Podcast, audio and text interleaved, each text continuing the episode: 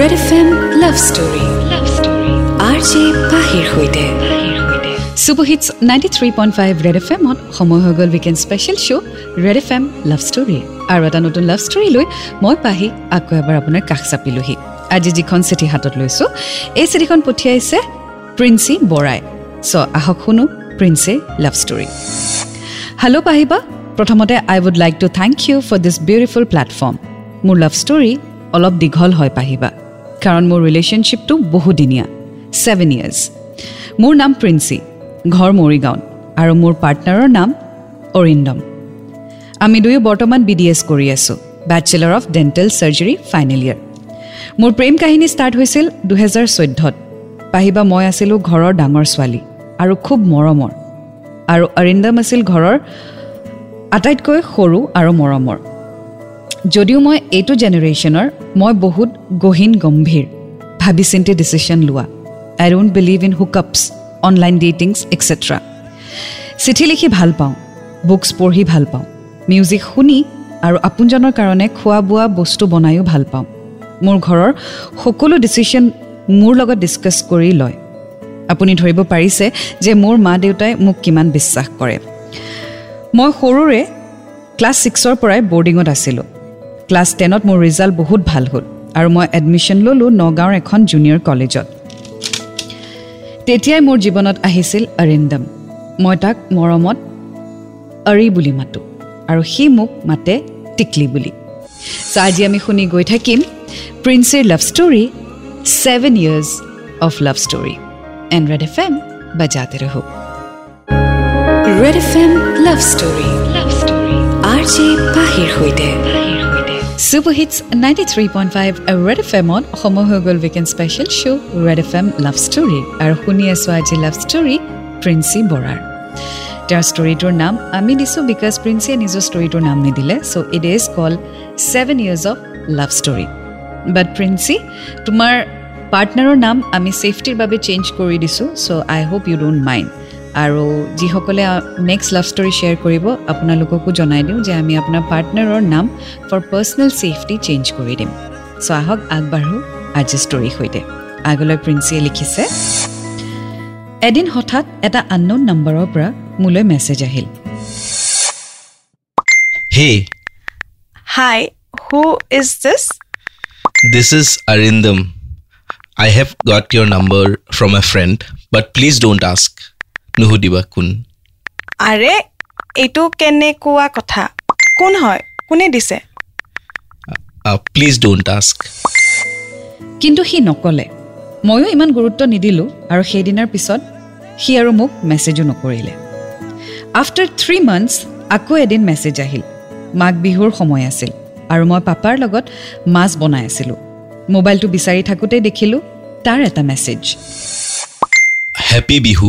Happy Bihu পিছে পিঠা বনাইছানে পিঠা নাই বনোৱা মাছহে বনাইছোঁ পিঠা বনালে ভাগি যায় পিছে ক'বানে মোৰ নাম্বাৰটো কোনে দিলে sorry, no.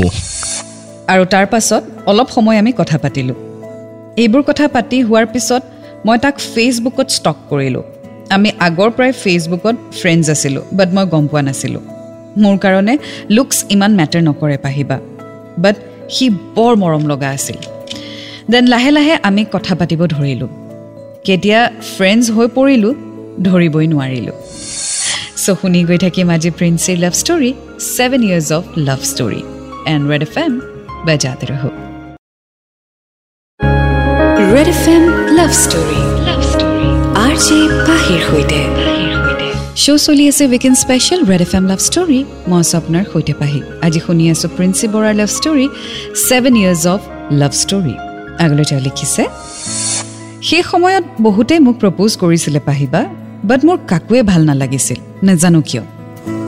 তাৰ লগত মই সকলোবোৰ কথা শ্বেয়াৰো কৰিছিলোঁ। সি মোক কৈছিল So, পিছে তুমি আনচাৰটো কি দিলা য়েছ নে ন' এইবোৰ ইমান বৰ পাওঁ নহয় এইবোৰ কিনো ভেলেণ্টাইনছ ডে' লাভ ডে' কিবা কিবি মই এইবোৰ একদম ভাল নাপাওঁ চবকে না কৈছোঁ। অ'কে পিছে এনেই কথা চথা পাতানে সিহঁতৰ লগত? অঁ কথা পাতোঁ। আই মিন লাইক নাম্বাৰটো চেঞ্জ কৰোঁ ন ফ্ৰেণ্ড হিচাপে কথা পাতোৱেই অ'কে নাম্বাৰ শ্বেয়াৰ কৰা মানে তুমি? হোৱাটছ দ্য বিগ ডিল তুমিওতো মোৰ নাম্বাৰটো পাইছা মোৰ লগত কথা পাতা। য়েছ দেন মই নাম্বাৰ পাইছোঁ বাট যাকে তাকে নাম্বাৰ দিয়াটো ইটছ লিটল আই মিন তুমি বুজি পোৱাই। আই হোপ ইউ আণ্ডাৰষ্টেণ্ড আৰু আমি তুমি যদি সেনেকুৱা ফিল কৰা মোক number the you know' you compare me with that I really I am sorry thank you আৰে নহয়। মই বুজিয়ে নাপালোঁ তাৰ কি হ'ল। আমি বহুত মাহ কথা পাতিলোঁ। আৰু তাৰপিছত we decided we should meet N এদিন আমি লগ পালোঁ।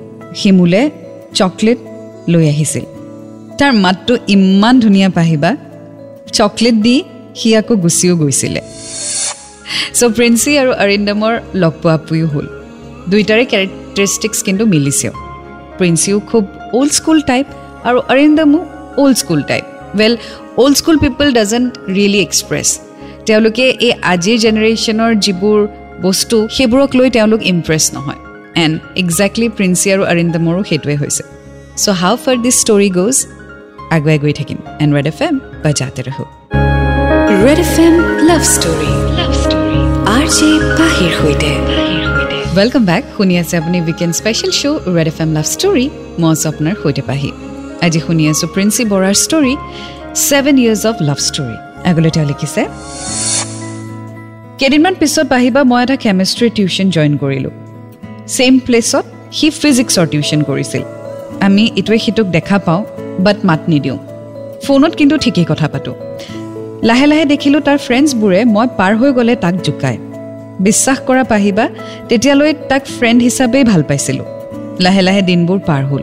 উই বিকেম গুড ফ্ৰেণ্ডছ পঢ়ি থকা টাইমবোৰৰ বাহিৰে আমি এনি টাইম কথা পাতোঁ। সকলো কথা শ্বেয়াৰ কৰোঁ। সি নহ'লে যেন ভালেই নলগা হ'ল। মই প্ৰেমত পৰিছোঁ পাহিবা।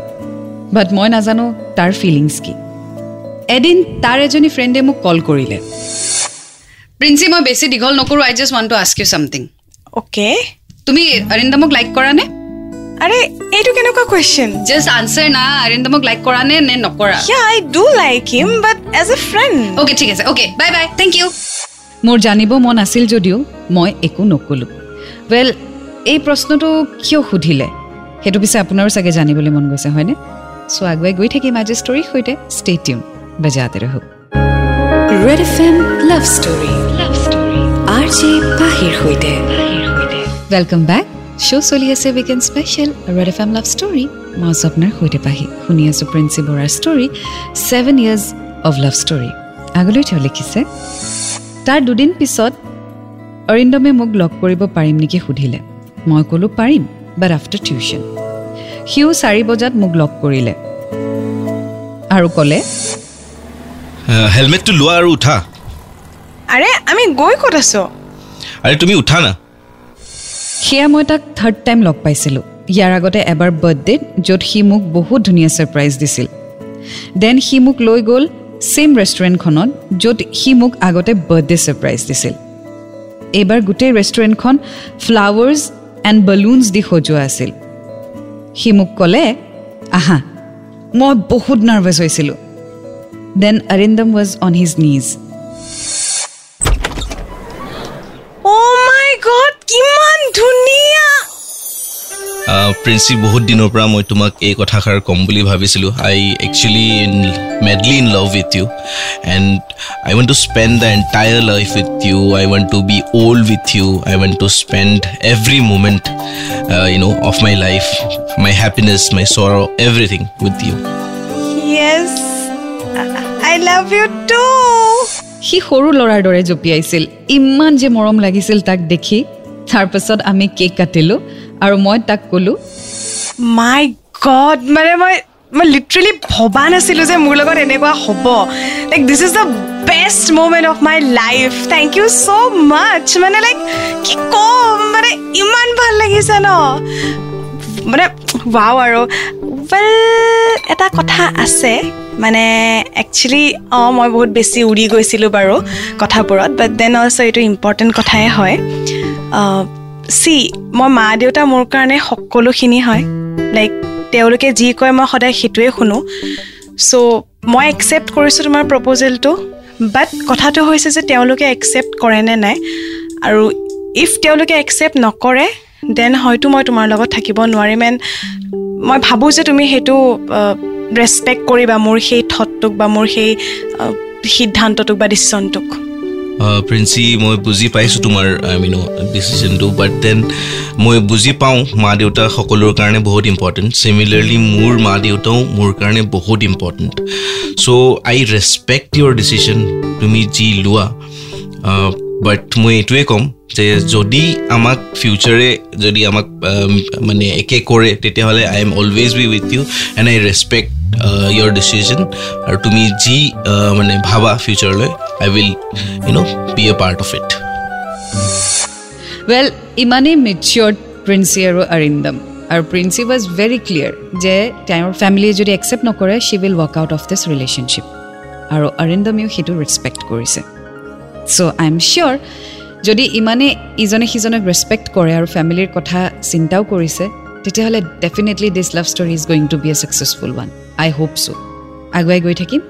আপুনি শুনি থাকক। এণ্ড ৰেড এফ এম বাজাতে ৰহো red F M love story love story R J পাহিৰ সৈতে। Super hits ninety three point five red F এমত পঞ্চা আপোনাৰ সৈতে পাহি শুনি আছে আপুনি weekend special show red F M love story শুনি আছোঁ। প্ৰিন্সি বৰাৰ story seven years of love story আগলৈ তেওঁ লিখিছে এনেকৈ ষ্টাৰ্ট হ'ল আমাৰ ৰিলেশ্যনশ্বিপ আমি দুয়োটাই খুব ফেমিলি অৰিয়েণ্টেড এইটো জেনেৰেশ্যন হয় বাট তথাপিও আমি যেন খুব বেছি ফেমিলি অৰিয়েণ্টেড সি মোক লগ পালে ফ্লাৱাৰ্ছ দিয়ে। সদায় কলেজ যোৱাৰ আগতে মোক পি জিৰ বেলকনিত ৰৈ থাকিবলৈ কয় আৰু সি মোক চাই যায়। কোনো ধৰণৰ বাধা নিদিয়ে মোক। কাজিয়া হয় যদিও আমি ইটোৱে সিটোক বহুত বুজি পাইছিলোঁ আৰু খুব বেছি মৰমো কৰিছিলোঁ। একদম অ'ল্ড স্কুল টাইপ সি কেতিয়াবা কয় বেয়া নাপাবা মই তোমাক এতিয়া ডাঙৰ গিফ্ট দিব নোৱাৰোঁ বুলি।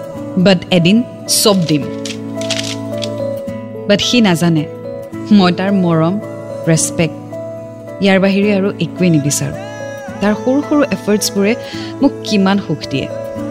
সি তাৰ বাৰ্থডেত মোক তাৰ ঘৰলৈ লাঞ্চ কৰিবলৈ ইনভাইট কৰিছিল। তাৰ ঘৰৰ সকলোৱে ৰৈ আছিল মোৰ বাবে। ইমান যে মৰম কৰিছিল মোক বিশেষকৈ তাৰ দেউতাকে। এনেকৈ দিনবোৰ পাৰ হ'ল। আমি এইচ এছ পাছ কৰিলোঁ with good grades then coaching কৰিলোঁ গুৱাহাটীত একেলগে। মোৰ ঘৰত একচেপ্ট ফৰ পাপা সকলোৱে গম পালে। আৰু তাক একচেপ্টো কৰিছে। See all's well that ends well well Princy আৰু অৰিন্দমে নিজৰ ফেমিলিক ৰেচপেক্ট কৰে আৰু তেওঁলোকৰ ফেমিলিয়ে তেওঁলোকৰ ৰিলেশ্যনশ্বিপকো ৰেচপেক্ট কৰিছে। চ' আগলৈ কি হয় জানিবলৈ শুনি থাকক এণ্ড ৰেড এফ এম বেজাতে ৰহো। Red F M love story. Love story. R J পাহিৰ সৈতে।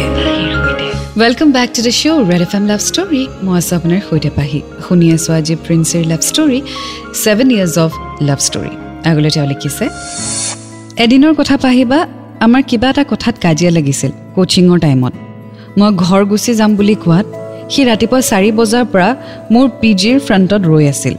ৰাতি বাছো নাপায় গতিকে সি জু ৰ'ডৰ পৰা শিলপুখুৰীলৈ খোজকাঢ়ি আহিছিল। মোৰ ফোনো ছুইচ অফ আছিলে। ৰাতিপুৱা ন বজাত ফোন অন কৰি তাৰ মেছেজ পাই বাহিৰত গৈ দেখিলোঁ যে সি পি জিৰ বাহিৰত ৰৈ আছিল।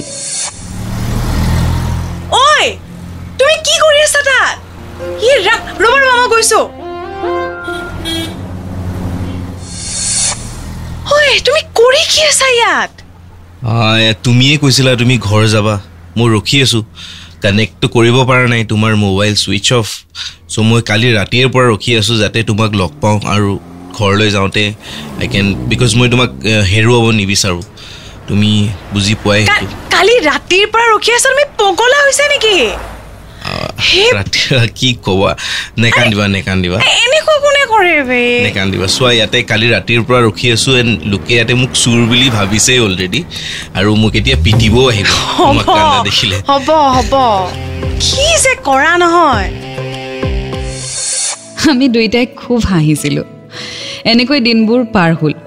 We both cleared N double E T U G আৰু এডমিশ্যন ল'লোঁ দেলহিত বি ডি এছৰ পাপায়ো তাক চিনি পালে।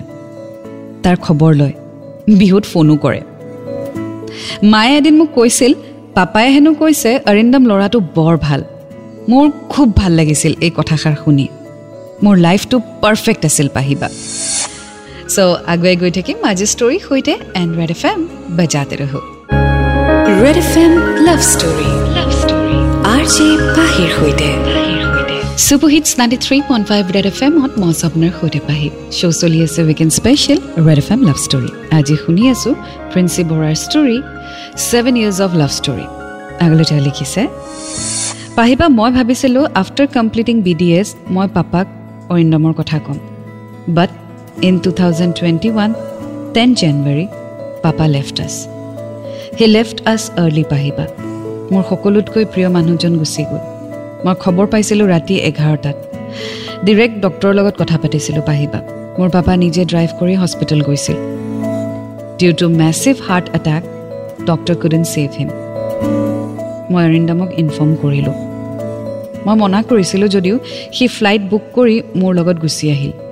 গোটেই ৰাস্তা চেন্সত নাছিলোঁ আৰু পাপাক দেখিও মই খন্দা নাছিলোঁ। বিকজ মই কান্দিলে মোৰ ঘৰৰ মানুহ ভাগি পৰিব। মোৰ ভণ্টি দুজনী ভাইটি আৰু মা।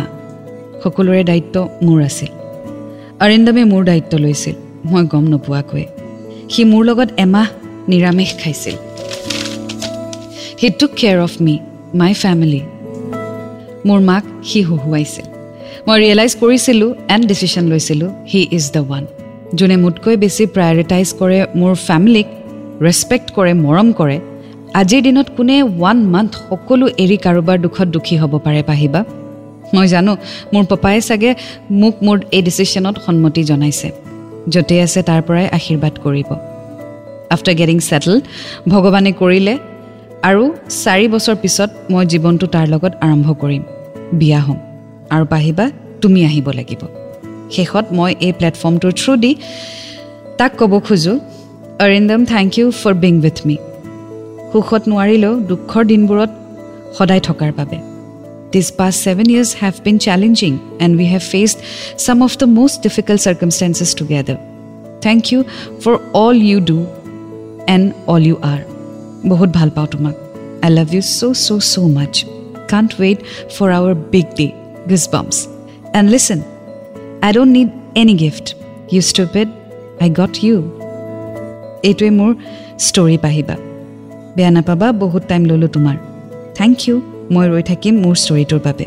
Your sister Princy well thank you so' much Princy for sharing your beautiful love story and আকৌ কৈছোঁ আমি তোমাৰ পাৰ্টনাৰৰ নামটি চেঞ্জ কৰি দিছোঁ for personal safety I hope you don't mind that and definitely বিয়াৰ ইনভিটেশ্যন দিলে মই যাম। I wish you all the best in life and তোমাৰ আৰু তোমাৰ বয়ফ্ৰেণ্ড আৰু তোমাৰ বেটাৰ হাফৰ লাভ এনেকৈ থাকক।